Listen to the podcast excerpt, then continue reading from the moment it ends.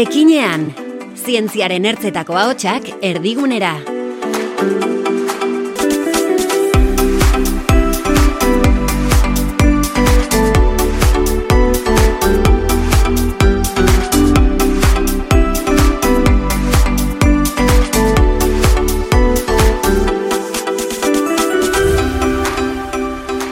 Kaixo eta ongi etorri EHU ekinean podcastera. Eluiarreko Ana Galarra gaiestaran nauzue eta podcast honen helburua estereotipoetatik kanpo geratzen diren ikertzaileak ezagutzea da. Gaur, Borja Donzel Garzia dugu gurekin. Donzel erizaina, ikertzailea eta irakaslea da. Eta gaztetasunari gorazarre egiten dion gizarte honetan, argi eta garbi esan digu honakoa. Denok iritsiko gara, edo iritsi nahi dugu, adineko izatera. Ongi etorri, Borja Donzel García.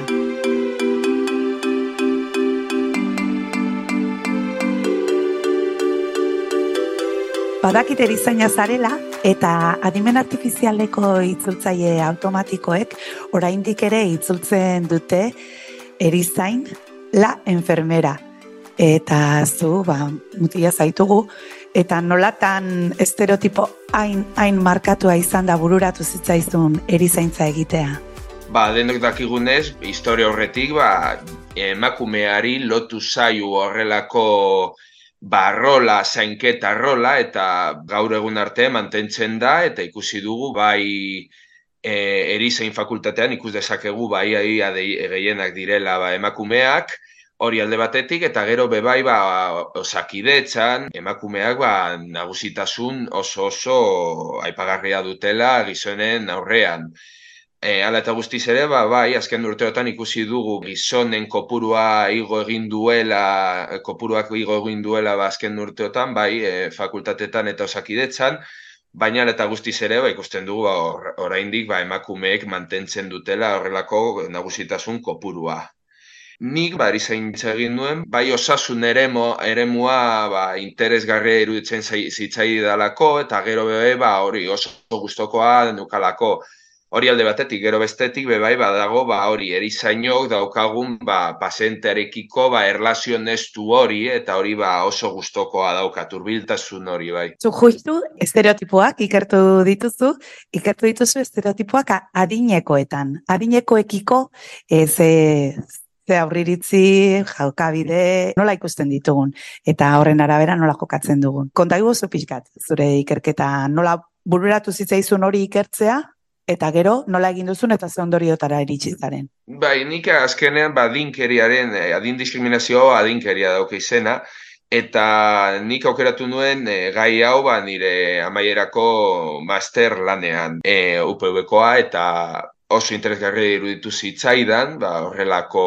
gaia, eta ikusi genuen, ba, azken urteotan, ba, nola sexismoa eta rasismoa ba, horrelako garrantzia lortu zutela eta basegoela beste adinkeri, eh, beste diskriminazio mota bat adinkeria zena, ba, azken ikerketetan ikusi da sexismoa eta rasekeria baino, baina frekuenteagoa dela. Bai, zertan nabaritzen da adinkeria? Adinkeria, da hori, testu asko irakurketa gero ikusi dugu, ba, adinkeria ba, gaztetatik irakasten dela, txikitatik, ba, uste dut esaten dutela, bost urte, bost urteetatik, ba, ja azten dela horrelako jarrera, adinkeri jarrerak ikasten. Abai, ah, eh? Bai, bai, eta ba, ikusti dena ba, horrelako jarrerak ba, gero eta alduagoa izan da ba, garatzen direla eta gugan ba, garrantzia hartzen dutela. Eta horrezegatik ba, uste dugu ba, oso oso importantea dela e, adinkeriari aurre egitea eta horretarako ba, inbat e, interbentzio eraiki daitezke.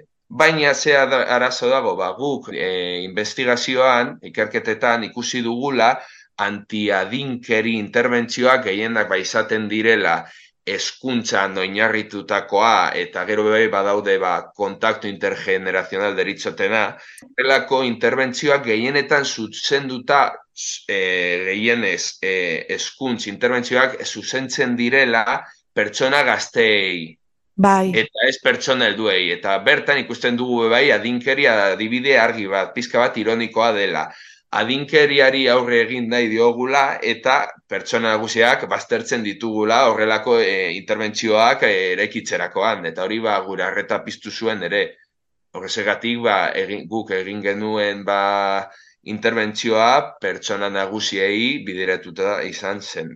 Interesgarria oso, uste duzu gero eta garrantzia handiago ematen ari zaiola eta ari garela pausoak ematen adinkeria lehuntzeko eta horrekin puskatzeko?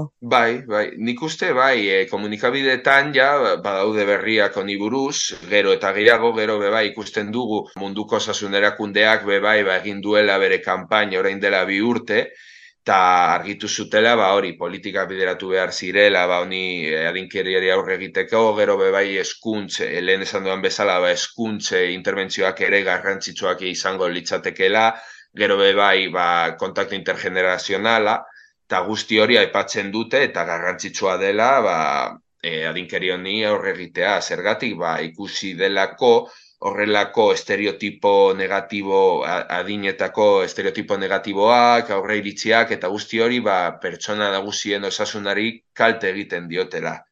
Eta hori azkenean, ba, ikusi dela, ba, inbat ikerketetan, ba, e, adibidez, ba, osasun kostua e, goratzen dituztela, gero bebai, ba, hainbat gaizotasun lotzen direla, ba, adibidez, depresioa, isolatze soziala, autonomia arazoak eta bai, gero eta gehiago ikerketa gehiago daude eta ikusten ari gara ba, horrelako adinkeriak ba, ikaragarriko kaltea egiten diola pertsona guzien osasunari. Bai, eta gizarte osoari era berean kaltzen ari gara haiekin harremana ez badaukagu ez dugu jasotzen, ez dare, hainbeste daukate emateko ez da, eta hori guztia ere, ba, ez da iristen. Hori da, eta gero ikusten ari gara, ba, hori, pe, pertsona nagusiek, ba, gero eta gehiago entzuten ari direla horrelako, dutela horrelako terminoa, dinkeri terminoa, gero, gero eta gehiago parte hartzen dute horrelako ekintzetan, eta azkenean, ba, haiek ere kontzientziatzen dira. Mm. Eta horrelako gure ikerketan ikusi genuena, ba, egin genuen e, Portugaleten, egin genuen ba eskuntz interbentzio bat bideoekin ordu bateko sesio batekoa bakarrik eta ikusi genuen sesio hori eta gero pertsona nagusiek izartze prozesuarekiko ba iritzi positiboagoa, ez positiboagoa, realistagoa zutela, ba, interbentzio horretan parte hartu eta gero. Eta horrelako interbentzioak, ba, ikusten ari gara ba oso erabilkorrak direla. Gero be bai publikatu genuela beste interbentzio bat, baina kasu honetan ba UPU-eko ikasleekin, be, medikuntza eta erizain e, ba ikasleekin eta ikusi genuen ba asignatura bat egokitu eta gero ba pizka bat e, formatu anti e, adinkeri formatuan ikusi genuen be bai bere haien ba, estereotipo negatibo kopurua behera, e, kopuru horrek ba, behera egiten zuela. Ikusten ari gara ba, hori dela bidea eta adinkeria zuzendu al daitekera. Baina guk e, orain ba, hori horrelako muestrekin lan egiten ari gara, baina horrelako lana gazteetatik, bost urtetik eta aurrera ba, nik uste landu behar direla. Eta nola animatuko zen ituzke gaztetxo hoiek aurretatik hasita bazurantzeko bidea edo hartu dezaten? Oso, oso nik uste positiboa dela ba, adin guztietako pertsonekin tratatzea. Gero, ikerketari dagokionez, ba nik uste politena dela ba hori helburu bat finkatzea nahi, zuk nahi duzun ba gaiari buruzko lan bat eraikitzea helburua jartzea eta gero ba prozesu osoa metodologiari dagokionez gero diseinuari dagokionez gero interbentzio bat adibidez aplikatzea la e, e, ba hori ikerketa bat aplikatzea eta gero emaitzak ikustea eta begira zuk armatu duzun lan hori ba materializatzen dela eta bere emaitzak izango dituela eta gizartean ba, aplikagarria dela eta azkenean ba, horrelako ikusten duzula ba, oso oso ez dakit nola esan e, ba, polita dela horrelako prozesu hori ikustea eta materializatzen dela eta onorugarria dela jakitea. Hori da, bete egiten zaitu ikustea, ez? Eba, zuburuan bai. zenuen hori gero ja gauzatzen denean, ba, benetan lortu duzula zerbait ona egitea. E, erizainok ikusten duguna da, ba, hori, paziente nagusiak e, lotzen dugula, ba, bai estereotipoi gatik, osasun profesionalak bebai dauzkagulako ba horrelako estereotipoak hori kertketetan ikusi da ikusi da bebai ba adibidez e, medikuntzan ba emir plazak ateratzerakoan ba geriatriak ez direla hain atraktiboak hartzeko, gero bebai erizainok ikusten dugu, ba, ikusten dugun paziente perfila, ba, hori pluripatologikoa, isolatze soziala, horrelako estereotipoak dauzkagula, eta azkenean guretzako ez dela hain atraktiboa horrelako perfileko pazientekin lan egitea, eta guk e, ulertu behar duguna da, ba, azkenean hori estereotipoak direla, bai, egongo direla, ba, paziente pluripatologiko nagusiak, bai, baina gero be bai izango ditugu ba paziente nagusiak zeinek ez dituzten horrelako patologiak eta naiz eta patologia hauek e, izan ba be bai badauke ba, daukate bere derechoa ba horrelako ba osasun zerbitzua eta sistema ba hartzeko berez ematen dituzten aukerak. Eta gainera hasieran esan duzuna danok zartuko gara edo beintzat dano nahi dugu zar izatera iritsi ezta? Hori da, eta onartu behar dugu eta azkenen sartzea, ba, prozesu luze bat da, bai, baina nuragarria, ba, adin, adin batera helduko garelako eta bizitza ikusiko dugulako ba, nola garatzen den. Eta nik uste ba, prozesu oso oso polita dela. Hori da bizitza bera. Pia bat eskertzen dizut, gurekin tarte hartu izana, honetaz guztiaz hitz egiteko, urren arte, eskerrik asko. Eskerrik asko, ana, gustura, gustura naiz. Eta eskerrik asko zuri ere entzule hori, Borja Donzel García eta Bion arteko solasaldia jarraitzeagatik. Datorren hilean, ekinean dabilen beste ikertzaile bat ezagutuko dugu hemen EHU ekinean podcastean. Bitartean, ondo bizi. Ekinean, Euskal Herriko Unibertsitatearen ikerkuntza gizartean zabaltzeko zuzendaritzak, zientzia eta gizarte garapenaren eta transferentziaren arloko errektore ordetza eta eluiarrek ekoitzitako podcasta.